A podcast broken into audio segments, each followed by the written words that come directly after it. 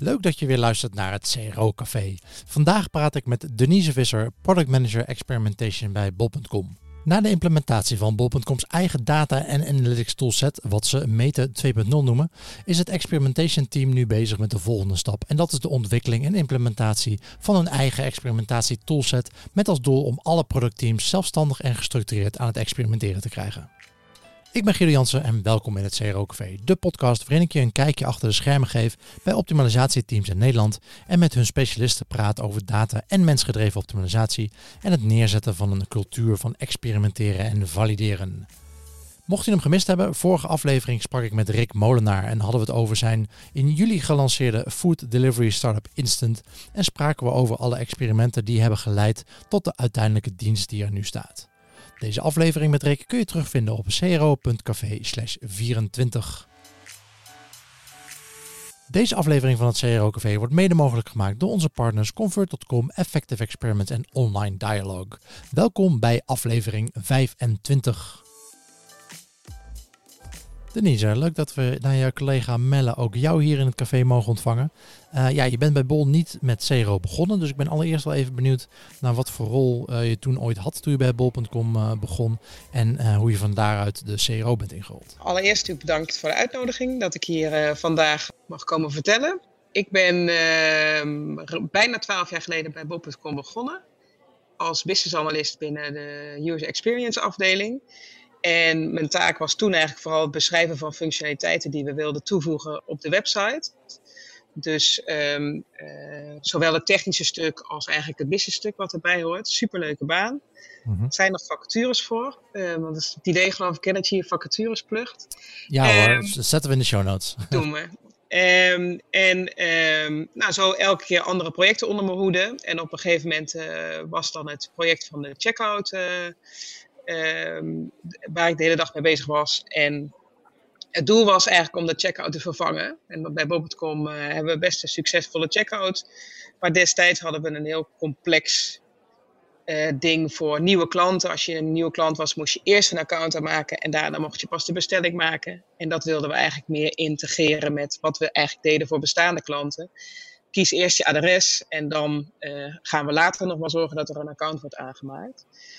Maar het wijzigen van een checkout is natuurlijk best wel een spannende onderneming. Dus uh, het was allemaal zeer data gedreven, of dit nou al een uh, wijs besluit was. En um, nou, dat het voor de nieuwe klanten beter was, dat stond echt als een paal boven water. Dat het voor bestaande klanten uh, ook een duidelijke verbetering was, dat was, nou ja, um, voor meerdere interpretaties uh, vatbaar. Maar uiteindelijk hebben we dus wel de nieuwe checkout uh, geïmplementeerd. Met wel de belofte, we blijven het continu optimaliseren voor die bestaande klantenflow. En dat was eigenlijk het zaadje bij mij dat ik dacht van ja, weet je, aan de hand van data en dan de link maken naar mijn, mijn UX-expertise en zo uh, experimenten doen Um, ja, dat maakte me echt super enthousiast. En dat het dan ook nog in de checkout mag, dus dat is wel het leukste stukje van de website. Ja. Dan um, nou ja, gaat het vuurtje snel branden. Ja, kun je in ieder geval de meeste impact maken. Ja, dus een kleine wijziging uh, heeft al uh, groot succes, ja. En deden jullie dat dan uh, toen ook al allemaal in-house? Of hadden jullie daar bepaalde tools voor die jullie daarvoor gebruikten? Nee, bij Bob.com zijn we niet zo heel erg gek op tools. Ja. We doen heel veel dingen, maken we zelf. Um, en toen ook eigenlijk al, uh, weliswaar allemaal heel gefragmenteerd. Dus we hebben een losse tool waarmee je de bucketing regelt. We hebben een, uh, en, en, daarmee zet je ook een test uh, uit en aan. we hebben een losse tool waarin dingen geadministreerd worden. Eigenlijk werden, want die hebben we toevallig al net uitgefaseerd. We hebben een losse tool weer voor de datacollectie en weer iets los om de significantie te bepalen. Dus het is er allemaal wel, maar het is wel je moet wel even weten hoe het werkt. Dus de drempel om het te gaan gebruiken is wel hoog. En de dingen die we konden experimenteren was dan, hè, we konden wel teksten uh, aanpassen of uh, een stylesheet aanpassen. Of, dat was dan in de checkout en op PDP konden we wel de volgorde van sloten aanpassen. Maar niet een één tool die alles helemaal covert, uh, waarin je eigenlijk alles kan, uh, kan manipuleren. Dus dat is eigenlijk ehm, nou ja, mooi bruggetje waar, naar waar ik nu mee bezig ben, is dat ik nu een experimentation tool probeer te helpen ontwikkelen, waarbij we ja. het wel voor iedereen binnen Bob.com zo makkelijk mogelijk maken om te testen. Ja, want het is echt het doel dat, dat uh, verschillende productteams bij jullie uh, zelf aan de slag gaan met, uh, met experimenten runnen. Ja, dus, um, hè, dus waar Melle over heeft verteld binnen de CRO-podcast uh, uh, over Bob.com, was, is vooral wat we doen binnen webshop-teams. Dus dat zijn misschien ja. nu zes of acht teams die daar uh, aan meedoen. Maar we hebben inmiddels, ik ben een beetje tel kwijt, maar ik geloof iets van 100 Scrum-teams bij Bob.com. En we proberen wel zo duidelijk mogelijk de producten af te bakenen per Scrum-team. Dus dat er een duidelijk doel is en uh, dat het helder is voor iedereen wanneer je succesvol bent. Hè, welke KPI's horen daarbij en naar welke knoppen kan ik draaien om, om dat succes te beïnvloeden. Um, en daar hoort ook experimenteren bij. Hè? Dus daar hoort ook ja. bij, als ik nou dit verander, wat is daar dan het effect van?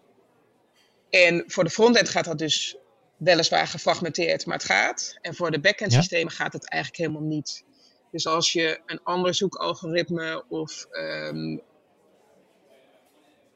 uh, een andere titel voor een product, dus echt dingen die uit de backend komen, ja, daar hebben we eigenlijk nog geen oplossing voor in place. En dat gaat die experimentation tool, daar, die gaat daarin voorzien. Oké. En uh, je zei net van nou, al, die, al die productteams die moeten natuurlijk uh, hun, hun eigen KPI's uh, verbeteren. En, wat wel vaker terugkomt in de, in de podcast bij, bij de gasten die ik heb, dat het best wel lastig is om goede KPI's op te stellen. En ook ervoor zorgen dat die, die teams op elkaar aansluiten, dat ze elkaar niet tegen gaan werken. Mm -hmm. kun je wat vertellen over hoe jullie teams dat doen? ja, dat is hier ook niet allemaal gesneden koek. Um, maar we zijn daar wel proberen dat wel transparanter te maken door een uh, KPI-tree aan te bieden. Ja. Waarin het duidelijk is uh, hè, waar, waar kan jij invloed op uitoefenen en hoe valt dat dan eigenlijk in de totale boom die op moet tellen tot, uh, tot winst voor Bob.com. Um, dus, en ik ben er ook nog wel een beetje aan het zoeken van hoe ja, streng moet je nou eigenlijk zijn. Dus als iemand test, een experiment inregelt die zegt ja ik ga testen op uh, CTR het liefst heb ik natuurlijk dat iemand een KPI kiest waar een euroteken aan verbonden is. Maar ja. ja. als hij echt geen idee heeft hoe hij nou het gedrag van de bezoeker kan beïnvloeden, dan is het misschien toch ook wel geoorloofd om even te kijken, kan ik de CTR überhaupt beïnvloeden en kan ik überhaupt die bezoeker in beweging krijgen? Dus daar zeg maar de scheidslijn tussen wat zou je moeten doen en wat is nu logisch, uh, vind ik ook nog wel ingewikkeld met het kiezen van de juiste KPI. Maar ja. we proberen er wel samenhang in te krijgen. Oké. Okay. En uh, nou ja, sowieso data, dat is natuurlijk een uh, belangrijk ding. Jullie harken ongetwijfeld bakken met data binnen. Ja. Um, zoals heel veel online partijen dat natuurlijk doen. En um, ja, experimenteren is leuk, maar je moet ook wel die inzichten eruit halen. Hoe, hoe doen jullie dat? Nou ja, dus nu, dit, deze tool die wordt nu gebouwd binnen de data science uh, afdeling. Dus dat is op zich wel Mhm. grappig, want ik heb eigenlijk bijna de hele periode bij Bob.com in de marketingafdeling uh, gewerkt. Ja. En het vuurtje voor experimentation binnen data science is ook al een tijdje geleden gestart met dat ze daar hun eigen data measurement tooling uh, gingen ontwikkelen. Dus voor degene de, die dat hebben bedacht, dus dat, wij noemen het M2, Meta 2.0 ja, hun mening over Adobe Analytics en over Google Analytics is echt niet mals. Het is niet uh, betrouwbaar genoeg. En zij hebben zoiets van, ja, wij willen echt 100% accurate data vastleggen voor Bob.com. Juist omdat het voor ons zo belangrijk is om, om die goede data te hebben. En um, nou ja, er zijn heel veel technische redenen waarom, waarom deze manier van meten beter is. Maar er is voor mij superbelangrijke reden waarom ik er heel graag mee wil werken. Is namelijk dat we met, dat, met die data die wordt vastgelegd in dat meten 2.0 dat we uh, onderscheid kunnen maken tussen of een pagina geladen is en de elementen daarop, of dat, en of dat die uh, elementen daadwerkelijk zijn gezien door de klant, door de bezoeker. Dus ja. daarmee kan je veel duidelijker afbakenen. Mijn experiment heeft betrekking op dat element, dus ik wil alleen maar mensen in mijn evaluatie meenemen die het element daadwerkelijk hebben gezien. Dus dat is voor mij de reden waarom ik heel erg blij ben van Meten 2.0. En het bestaat al een tijd, we doen het al een paar jaar. Maar van meten naar weten, dat is wel echt nog een, uh, een flinke kluif waar we nu onze tanden in aan het zetten zijn. Ja. En waar we als experimentation team ook wel een katalysator in kunnen zijn. En we hebben dus ook een, een data scientist in het team. Ja, die kan echt perfect chocola maken van, uh, van alle data die we vastleggen. Dus uh, daarmee helpen we ook eigenlijk meer het belang van het goed registreren van al die data ook nog meer uh, in de lift te krijgen binnen Pop.com.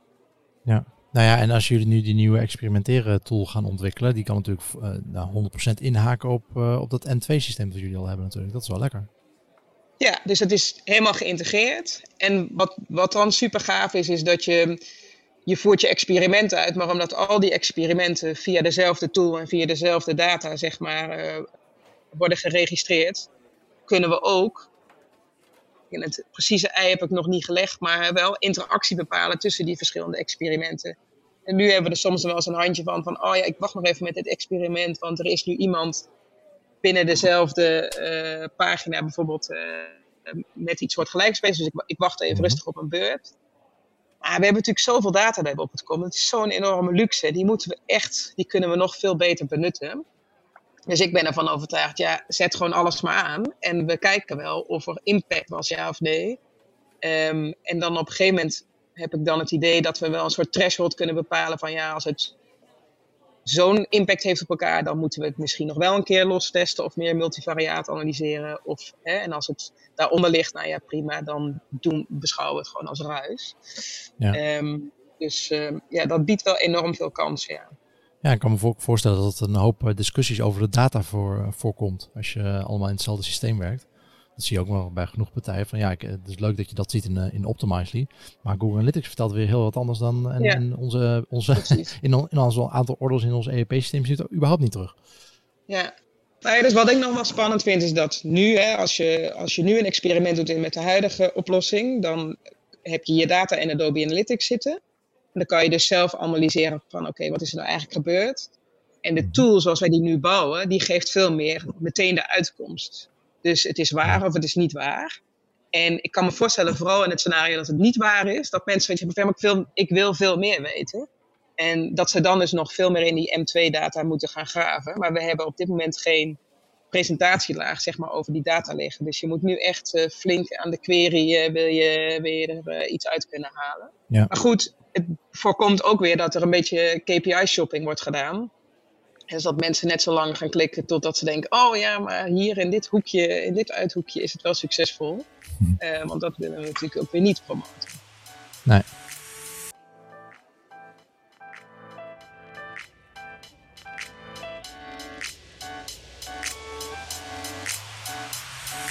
Validation in every organization is de missie van Online Dialogue.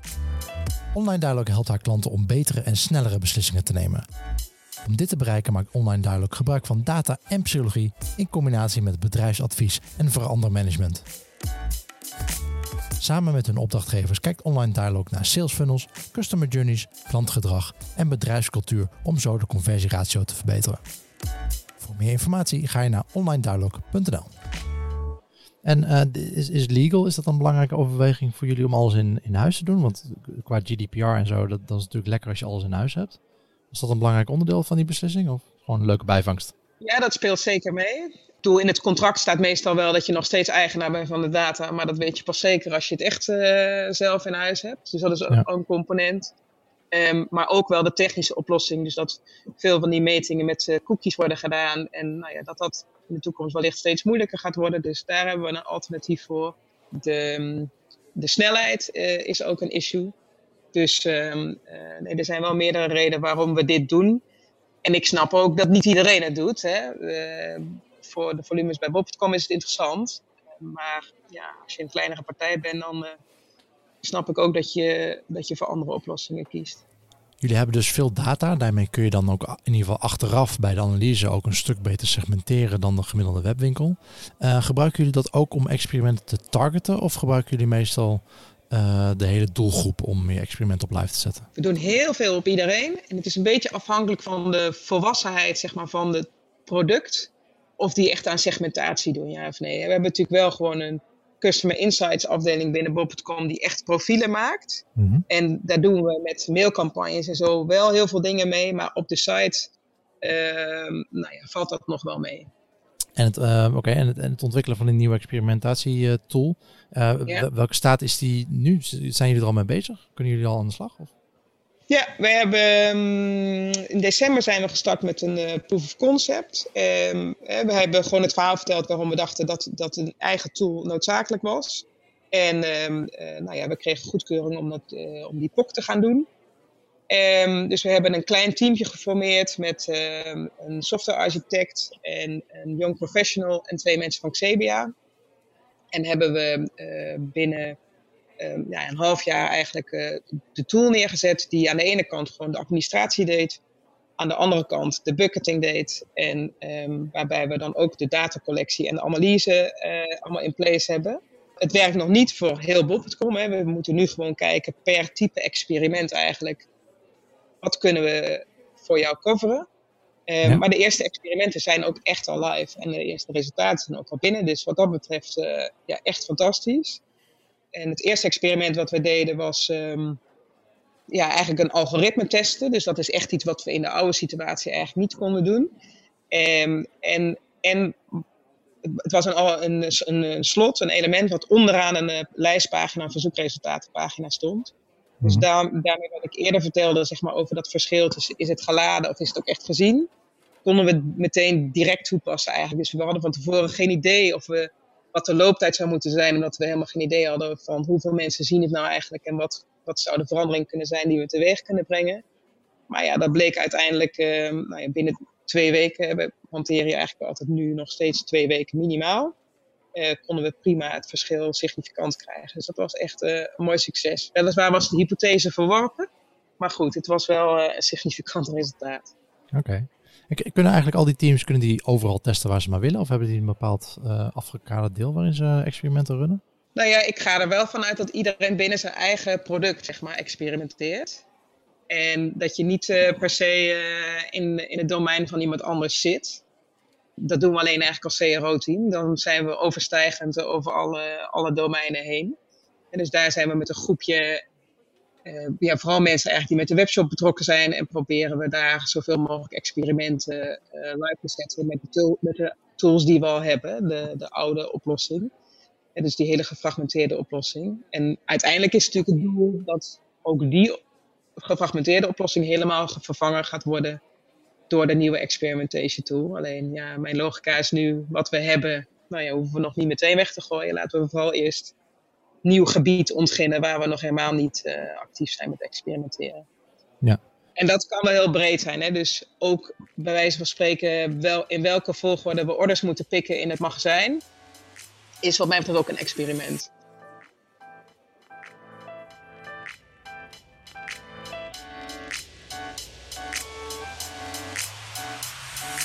Heb jij interesse in geavanceerde optimalisatietips?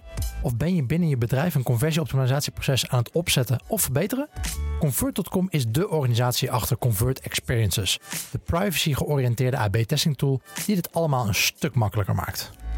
Daarnaast hebben ze nu Convert Launch, een nieuwe service als aanvulling op je AB-testing software dat jou de ondersteuning geeft van een gecertificeerd conversiebureau.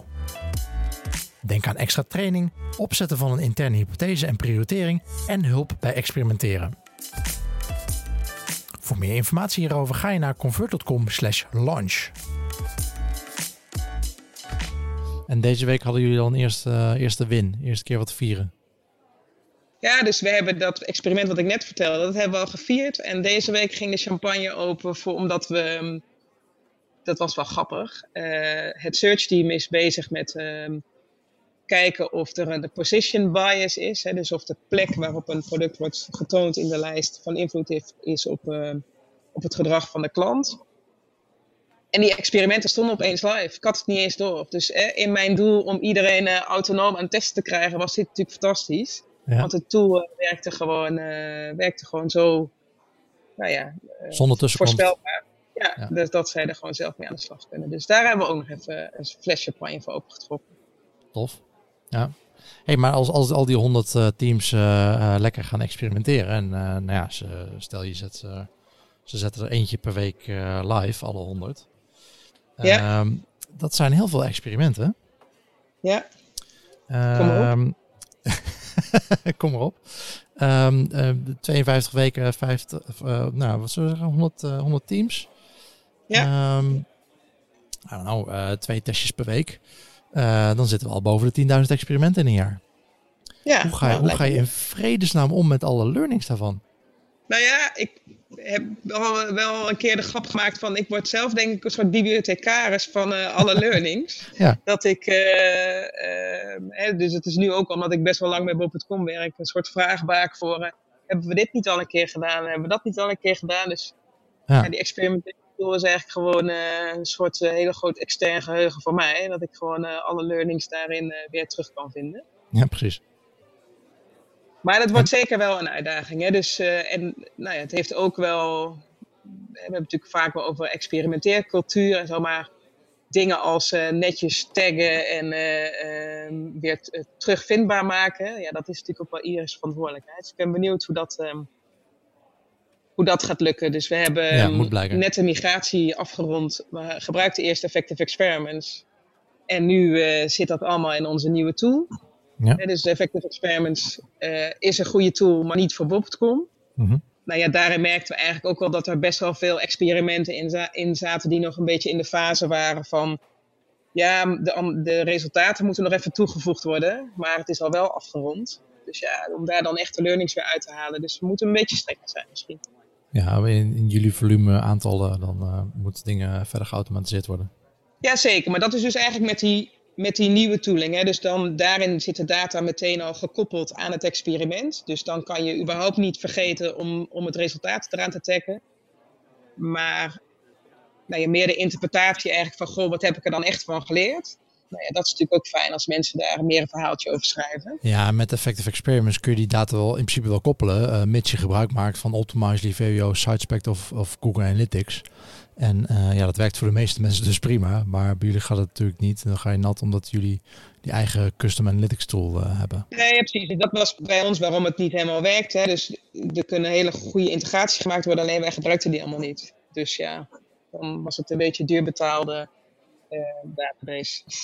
Ja, nee, uh, over het uh, delen van, van, van die kennis. Ik hoorde ook wel volgens mij bij, bij Booking heb ik zo ook wel eens gehoord van ja, we, we, kijken eigenlijk niet naar wat we ooit al getest hebben. Als we, nu, als we het nu een goed idee vinden, dan kijken we niet zozeer wat er ooit gedaan is. Want ja, de situatie kan veranderd zijn. Ja, aan de andere kant lijkt me dat je daar ja. een soort ja, mix in wil vinden van oké, ja, we kunnen wel die knoppen blijven testen. Maar als iedereen uh, elke maand opnieuw met die test komt. dus dat is ook niet de beste besteding van je tijd. Dus je wil wel een soort van kennis opbouwen binnen je bedrijf, denk ik, van wat algemeen werkt en wat niet. Ja. En dat ga jij dus als uh, bi bibliothecaris uh, destilleren. Ja. Nou ja, en kijk, de Bob.com groeit gewoon sterker. Dus er komen steeds nieuwe medewerkers bij. Dus voor hen is het ook gewoon prettig dat zij wel zich ergens kunnen inlezen. Hè, van wat is er eigenlijk allemaal al ooit geëxperimenteerd. Ik, Natuurlijk ben ik het ermee eens dat je heus wel dingen mag hertesten. Maar toch een beetje zuinig omgaan met wat met. Nou ja, niet elke week hetzelfde. Dat is natuurlijk ook wel, uh, wel fijn. En ik hoop enorm op een kruisbestuiving van kennis. Dus als ze binnen de CRM-afdeling iets testen met uh, titels van mails, daar kan, daar kan het CA-afdeling uh, misschien ook nog wel weer wat van leren. Ja, precies. Ja, en, en, en toch ook bij jullie is, is die testcapaciteit natuurlijk beperkt. Uh, was laatst ook, uh, wie zei dat nou? Um, volgens mij zei het Ton dat een keer in een aflevering ook van. Die was een keer op een meeting bij Facebook en daar waren, ze men, waren ook mensen aan het klagen over dat ze te weinig capaciteit hadden om te testen. Ja, het is maar net hoe specifiek je die testen maakt natuurlijk. Ja, en als je die kans hebt, dan, ja, klopt. ja, dan wil je niet allemaal, allemaal, ja, je wil niet de helft van de testen op je website live hebben staan van dingen die je eigenlijk al weet. Ja, eens. Maar goed, soms, hè, dus ik zei net van eh, hoe streng moet je zijn met KPI's, maar ook wel hoe streng moet je zijn met um, dingen testen die je misschien al weet. Ja. Ik heb ook wel gemerkt in de loop der jaren, door gewoon alleen maar te zeggen, is ook niet voldoende. Hè. Het is ook fijn als mensen soms het zelf nog een keer ontdekken. Dan is het uh, krachtiger ja. dan uh, als ze het gewoon maar moeten aanhoren. Ja. Oké, okay, er zijn nu een uh, paar teams die dus uh, zelfstandig uh, experimenten live hebben gezet, zonder dat je er überhaupt al bewust van was. dat ja. is hartstikke goed. maar hoe krijg je al die teams, hoe, hoe zorg je ervoor dat, dat jullie binnen het bedrijf een cultuur krijgen van, van het experimenteren en dat het de standaard is, zeg maar. Niet, niet van, oh ja, dat moeten we misschien ook nog een keertje doen. Maar dat het gewoon de standaard procedure wordt. Nee, nou ja, de, de timing zit er heel erg mee. Dus uh, er smelt al een vuurtje, zeg maar. Hè, die mm -hmm. zegt van ja, dat experimenteren, dat gaat ons echt heel veel inzicht geven. Dus het is nu de, nog de situatie dat echt heel veel mensen al automatisch naar ons toe komen van... Uh, ik wil ook uh, graag experimenteren. kan je ons helpen? Dus dat is natuurlijk fantastisch. Ik realiseer me ook wel dat er dat er ook een moment komt dat er, dat er een groep aangehaakt moet worden die meer zoiets heeft van ja, niet. ja ik doe mijn werk toch en ik weet heus wel wat ik doe en uh, dat hoef ik allemaal niet te valideren. Ja. Dus, um, um, en nu heb ik vooral nog zoiets van, hè, juist dat je inzicht kan geven in wat de toegevoegde waarde is van een verandering. Ja, dat moet bij iedereen de ogen openen ik hoop dat dat zo uh, het woord verspreid wordt, zeg maar. Ja, precies. En het is wel natuurlijk wel mooi als een deel van het bedrijf het wel vanzelf gaat doen. Dan kunnen die in ieder geval het uh, goede voorbeeld geven en laten zien uh, hoe krachtig het is. Ja, dus we hebben dan, we zijn nu vooral heel druk met de webshop en ook met de app. Maar we hebben ook nog een portal voor partners. En ook daar zijn we nu bezig met het opzetten van experimenten. Dus dat is ook wel echt super gaaf. Dus dat we niet alleen maar de de klantfacing uh, dingen meenemen, maar ook eigenlijk die achterkant waarmee wij ons assortiment weer moeten aanvullen. En voor, dat laat, voor die laatste onderdeel van de organisatie, ja, daar zijn we eigenlijk nog helemaal niet gewend om te experimenteren. Dus nee. Nou ja, dat biedt wel heel veel kansen.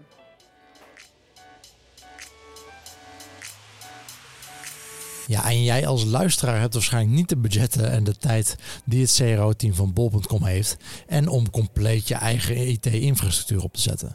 Jij en ik maken gewoon gebruik van de standaard analytics en AB-testing tools. Maar dit wil niet zeggen dat jij geen cultuur van experimenteren en klantgedreven beslissingen kan opzetten in jouw bedrijf. Effective Experiments koppelt met de tools die je al hebt en zorgt ervoor dat je experimenten in de gaten kan houden, je kennis kan delen en iedereen binnen je bedrijf op de hoogte kan houden van de voortgang en de resultaten. Effective Experiments is het CRO succesplatform waarin je al je gebruikersonderzoek, experimenten en rapporten kan vastleggen op één centrale plek.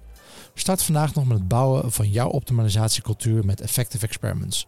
Een demo aanvragen doe je via www.effectiveexperiments.com jullie platform dat is natuurlijk heel erg uh, data gedreven, maar dat zijn vooral getalletjes. Zit er ook, heel, zit er ook een, een, een hoek voor uh, kwalitatieve data in? Ja, dus wat we hebben gewoon kwalitatieve gebruiksonderzoeken bij uh, Bob.com en we hebben ook wel gewoon NPS uitvragen, dat soort dingen. Mm -hmm. Ik wil graag wel de link leggen tussen wat ik dan nu aan het faciliteren ben en die kwalitatieve onderzoeken. Dus vooral eigenlijk als we nou een, een kwantitatief onderzoek hebben gedaan waarvan we denken, ja, oké, okay, ik geloof het, maar ik vind het toch opvallend. Uh, dat we het dan eigenlijk linken aan het kwalitatieve onderzoek. Uh, om het daar nog eens terug te laten komen en dan nog eens de voice-over van de klanten zeg maar, bij te horen. Om dan nou ja, wellicht je hypothese nog eens aan te passen of uh, op basis daarvan dan een nieuw experiment te doen. En de komende maanden, wat staat er op jullie backlog voor de tool om te, door te ontwikkelen? Nou ja, dus vooral teams die bij ons komen en, en zeggen van wil je experimenteren voor ons ook mogelijk maken? Ja. We hebben best wel een verweven landschap eigenlijk binnen Bob.com. Dus stel, het voorbeeld wat ik gaf van de titels. Als je een titel wil experimenteren en je gaat opeens als backend twee titels naar de voorkant sturen, ja, dan moet de voorkant daar natuurlijk wel wat mee doen. Ja. Dus aan de voorkant moet er ook wat aangepast worden. En eigenlijk willen we dat dan zo ontwikkelen dat er, dat er geen aanpassingen meer nodig zijn als, als je niet voor één schap, uh, voor één winkel uh, die titel wil aanpassen, maar voor meerdere winkels tegelijk. Dat er aan de frontend dan eigenlijk niks veranderd hoeft te worden. Dat het allemaal nou ja, een, een generieke oplossing is, waardoor ze vanuit die contenthoek gewoon ja, autonoom kunnen testen, zonder dat dus die afhankelijkheid met het, met het, met het weergeven uh, bestaat. Nou ja, we merken gewoon nu dat we vooral pragmatische oplossingen kiezen, dat we die experimenten gewoon live kunnen krijgen, maar dat we daar dus ook wel fundamenteel toch ook wat dingen voor op poten moeten zetten. Dus daar kunnen we ons de komende maanden wel mee vermaken. Maar dat zorgt er wel voor dat we dus veel meer teams eigenlijk uh, de capaciteit geven om te experimenteren. Dus het is de vraag eigenlijk aan mijzelf van ja, wanneer ben ik nou met het experimentation team succesvol? Ik, zeg wel tegen iedereen wanneer ben jij succesvol en wat zijn jouw KPI's. Maar bij mezelf vind ik het eigenlijk best wel ingewikkeld. Want alleen het aantal experimenten is niet zo boeiend. Maar als het eenmaal gefaciliteerd kan worden, dan geloof ik wel dat het gaat vliegen. Zoals Search, die heeft dan nu inmiddels 14 experimenten live. Um, ja, dan gaat het wel heel hard. Dus het aantal teams en dan eigenlijk ook nog verschillende domeinen. Dus dat vind ik dan, heb ik nu voor mezelf eigenlijk vooral als uitdaging uh, gemaakt. Dus dat we de olievlek zo snel mogelijk, zo groot mogelijk willen maken. En um, nou ja, dan is het makkelijker om uh, later meer mensen uh, aan te laten sluiten. Ja. Hoeveel, hoeveel teams zijn aan het testen over twaalf maanden, denk je? Over twaalf maanden. nou, de helft. 50 teams. Heel goed.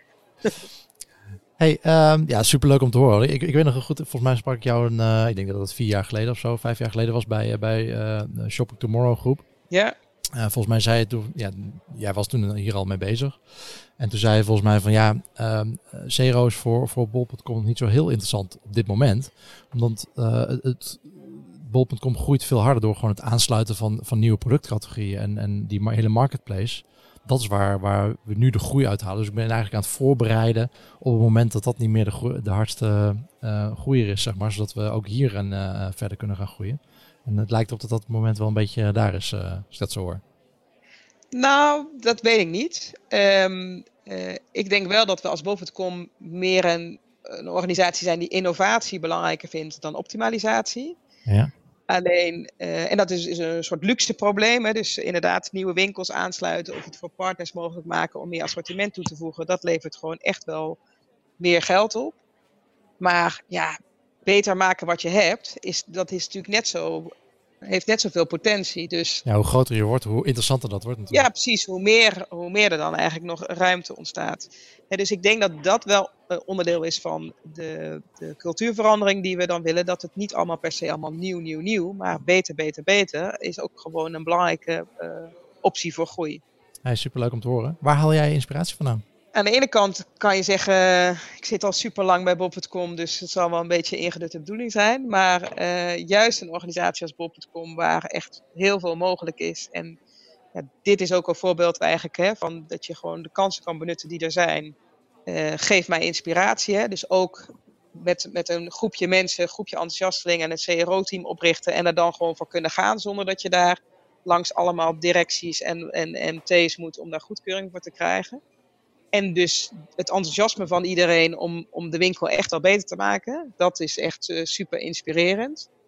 Um, en verder probeer ik natuurlijk ook wel weer extra kennis te vergaren. Dus ik schrijf me regelmatig weer in voor een of andere cursus bij uh, Coursera. Dus ik doe nu iets met experimentation. En dan moet ik zelfs programmeren in R. Dus nou, ik ben benieuwd. Uh, ja. Het valt misschien niet helemaal binnen mijn uh, verantwoordelijkheden hier binnen Bul.com. Maar het geeft natuurlijk wel weer een completer beeld ik koop natuurlijk ook nog wel boeken. Ik kan ze niet beloven dat ik ze allemaal uh, lees, of hier wel snel lees. Ik kan geloof ik nog iets van jou leren, want jij hebt ooit een challenge gedaan of zo, elke week een boek? Of, uh... Nou ja, maar ik, ik doe het met uh, audioboeken in ieder geval. Oh, dat, dat gaat me wat makkelijker af. Ja, ik hoef maar een kwartiertje naar huis. Dus ik ben, dan schiet ik alsnog niet op. Dan kan ik nog beter gewoon lezen. Nee. En ik vind het heel leuk om, uh, om bij uh, van die werkgroepen te zitten. Dus wij kennen elkaar ook wel van Shopping Tomorrow van heel lang geleden. En uh, nu zit het dan bij DDMA. Dus dat is ook gewoon een DDMA, een CRO-commissie. Dus dat is ook gewoon een enthousiaste groep. En dan merk je ook, hè, zowel aan de bureaukant, maar ook bij de klantkant, zeg maar, wat er allemaal speelt. Ja, ik ik vind het gewoon, ik vind CRO's gewoon uh, leuke mensen. Hè? Dus het is een soort schaap met de vijf poten. Mensen die veel ondernemerschap in zich hebben en veel interesse op veel verschillende gebieden. Um, dus ja, dat, uh, dat in zijn geheel om daarmee uh, ideeën uit te wisselen vind ik super inspirerend. Ja, precies. En je had ook nog een leuke deal geregeld met Conversion XL voor de cursussen die ze daar ja, dat klopt. ja. Dus ik heb zelf ooit uh, bij Pep Ladia een, um, een uh, ja, ik weet het niet eens de officiële naam, maar wel de, zeg maar in de voorloper van die Conversion XL eh, Institute. Kon ja. je dan met, uh, ik geloof iets van 10, 15 man een online course volgen. En Pep bleek echt een strenge leermeester. Hè? Dus tijdsverschil of niet, maakt niet uit. Je moet voor die computer zitten. Je moet braaf je dingen doen. Dus ik ging er wel redelijk in van, oh ja, fijn, dat doe ik dan even. Want dan alles kennis die ik heb, die wordt weer even mooi uh, gebundeld. Maar nou ja, ik moest toch wel aan de bak. Want hij, ehm, nou ja, hij had, had wel, vooral, hij, had wel goede inzichten allemaal. waar ik nog steeds veel van heb geleerd. Dus ik ben heel enthousiast over zijn, zijn kennis. En dus hij heeft nu Conversion XL Institute bedacht. En daar kan je als bedrijf aan meedoen. En de eerste betaalt geloof ik 2500 dollar. En dan elke volgende wordt steeds goedkoper. Maar ja, binnen dit vakgebied zitten natuurlijk heel veel zelfstandige ondernemers. Dus ik dacht, ja, dat is ook niet aardig. Dus ik had hem een mailtje gestuurd van, nou vind je het goed als ik een soort virtueel bedrijf opricht. Waarin we dan uh, allemaal die zelfstandige ondernemers uh, binnen dit vakgebied vergaren en dat wij dan de kosten kunnen verdelen over elkaar. Dus dat vond hij een goed idee. Hij is natuurlijk ook gewoon een ambassadeur van het vakgebied. Dus ik geloof dat we nu voor 300 euro per jaar kan je toegang krijgen, als het dan via mij gaat, voor dat Conversion XL Institute. Dus dat is echt fantastisch. Dus ik hoop. Ja, top de groep mensen die dat nu doet, ja, die zijn er ook heel enthousiast over. Dus ik hoop dat het nog even een paar jaar door mag gaan. Ja, dus we zullen zeker een linkje plaatsen in de show notes uh, naar hoe je daarvoor uh, voor kan opgeven als dat, als ja, dat wil. heel attent. En, um, en dit doe je eigenlijk allemaal, zowel dat, die cursus als, als wat je net hebt uitgelegd bij Bob, doe je allemaal in vier dagen, toch? Ja, klopt. Dus ehm, ik mag hier vier dagen komen. En ik mag daarnaast. Je mag ook echt niet nog, meer. ja, ik mag, mag daarnaast ook nog eh, een beetje freelancen. En um, dus dat vind ik superleuk. Uh, omdat hier bij Bob.com krijg ik al energie. Maar om ook nog een beetje in andere keukens te kijken, geeft me nog meer energie.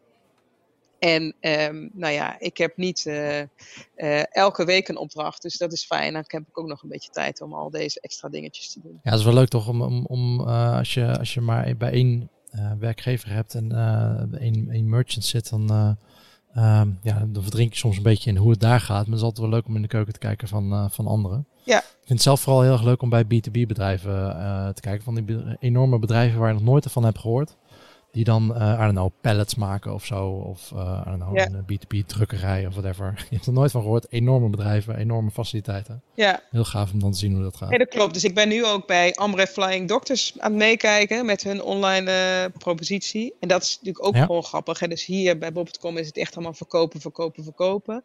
En met zo'n goede doelenorganisatie ja, kan je wel dezelfde ideeën natuurlijk uh, liggen eraan ten grondslag. Maar ja, het is toch anders. Dus ik vind het ook wel, in die zin breng je ook wel weer extra informatie terug naar je werkgever. Dus ik, ja, ik gun iedereen, ik noem het zelf maar stapelbanen. Dus gewoon de zekerheid van een, een, een baan in, in loondienst en uh, de, de, nou ja, de flexibiliteit van uh, nog iets erbij of nog iets daarnaast. En ja, voor die opdrachtgever is het leuk, maar voor jouw werkgever is het ook leuk, omdat je weer continu geïnspireerd wordt. Dus. Over inspiratie gesproken, uh, de, de, trigger van dit gesprek en het onderwerp was ook uh, jouw sessie op, uh, op e Live onlangs. Ja. gaan, we, gaan we jou binnenkort nog ergens op een podium zien? Um, nou, ik zit te denken, want ik ben wel gevraagd om voor interne dingen, dus voor, voor uh, leveranciers-events en uh, dat soort dingen.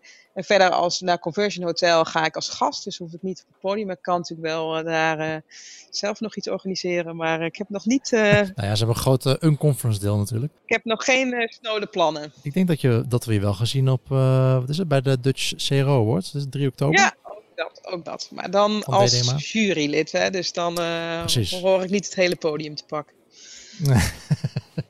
hey, dankjewel.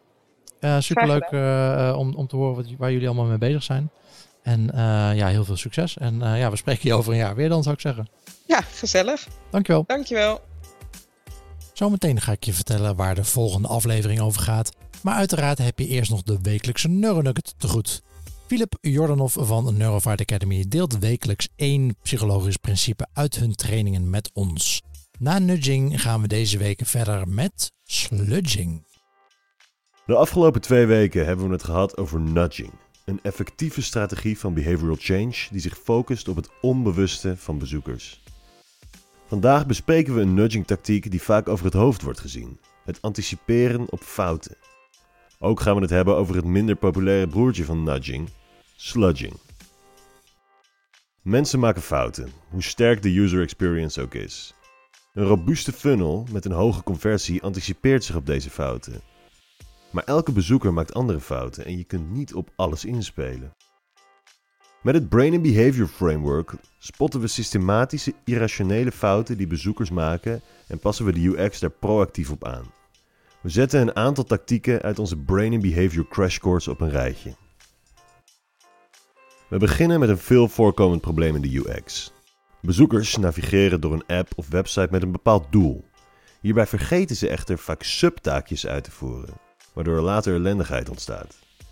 Denk aan het wegrijden bij een tankstation terwijl je tankdop nog op je dak ligt. Een tactiek die goed anticipeert op post-completion errors is de forcing function. Wanneer een bezoeker een account aan wil maken met een zwak wachtwoord, geeft de forcing function bijvoorbeeld aan wat de vereisten zijn om een account aan te maken met een sterker wachtwoord. Deze nudge verhoogt zowel de veiligheid van de bezoekers als jouw reputatie voor betrouwbaarheid. Als CRO-specialist kan het je motto zijn om frictie zo laag mogelijk te houden. Maar soms moet je frictie juist expres verhogen. In andere woorden, niet nudgen, maar sludgen. Met sludging haal je bezoekers uit het snelle automatische denksysteem 1 en activeer je het langzamere rationele denksysteem 2. Je kunt meer horen over systeem 1 en systeem 2 in NeuroNugget 4. Een sludge waar iedereen regelmatig mee in aanraking komt is the completely automated public Turing test to tell computers and humans apart. Beter bekend onder het acroniem CAPTCHA. Deze tool zorgt ervoor dat de data die je binnenkrijgt alleen van echte bezoekers is in plaats van bots. Sludging wordt niet altijd als negatief ervaren door gebruikers. Een duidelijk voorbeeld hiervan vind je in videospellen. De gameplay wordt expres moeilijk gemaakt om investment en motivatie te verhogen. Ditzelfde principe kan worden toegepast in CRO en UX door middel van gamification. Snapchat ondervangt dit principe door het uitdelen van badges. Gebruikers worden voortdurend uitgedaagd meer tijd te investeren in de app in de vorm van steeds moeilijker wordende challenges om nieuwe badges vrij te spelen. In dit geval zorgt een hogere frictie dus juist voor meer motivatie. Dit zijn de drie takeaways van de laatste NeuroNugget in de Nudging-series. Bezoekers zullen altijd fouten blijven maken. Je kunt je funnel versterken met een proactieve design die deze fouten ondervangt. Doordat bezoekers met een bepaald doel door een website of app navigeren, vergeten ze vaak belangrijke subtaken, zoals het maken van een sterk wachtwoord voor een account.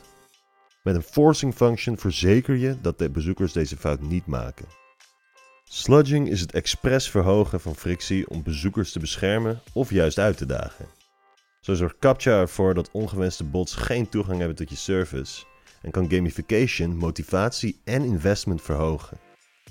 De afgelopen drie Neuronuggets hebben we het gehad over nudging. Komende week kijken we naar de psychologie die achter de sterkste call to action schuil gaat. Tot dan. Dankjewel Philip voor je nudge om ons wekelijks over dit soort dingen te laten nadenken. Dat was de wekelijkse Neuronugget en dit was de zilveren 25e aflevering van het CRO Café met Denise Visser van bol.com. Denise zit overigens ook in de jury van de Dutch CRO Awards, die plaatsvinden op 3 oktober in de Vrijstaat in Amsterdam-Noord. Heb je een leuke case in de categorie acquisitie, mobiel, personalisatie of conversie? Dien die dan uiterlijk 1 september in op dutchcroawards.nl. Mocht je de podcast nu zo leuk vinden dat je zakelijk of privé partner van de podcast wil worden, en dat wil je, dan kan dat. Uh, voor meer informatie daarover ga je naar cro.café partner. Volgende week zit ik om tafel met Stefan van Ballengooien, conversiespecialist bij Allianz, een van de grootste financiële dienstverleners ter wereld.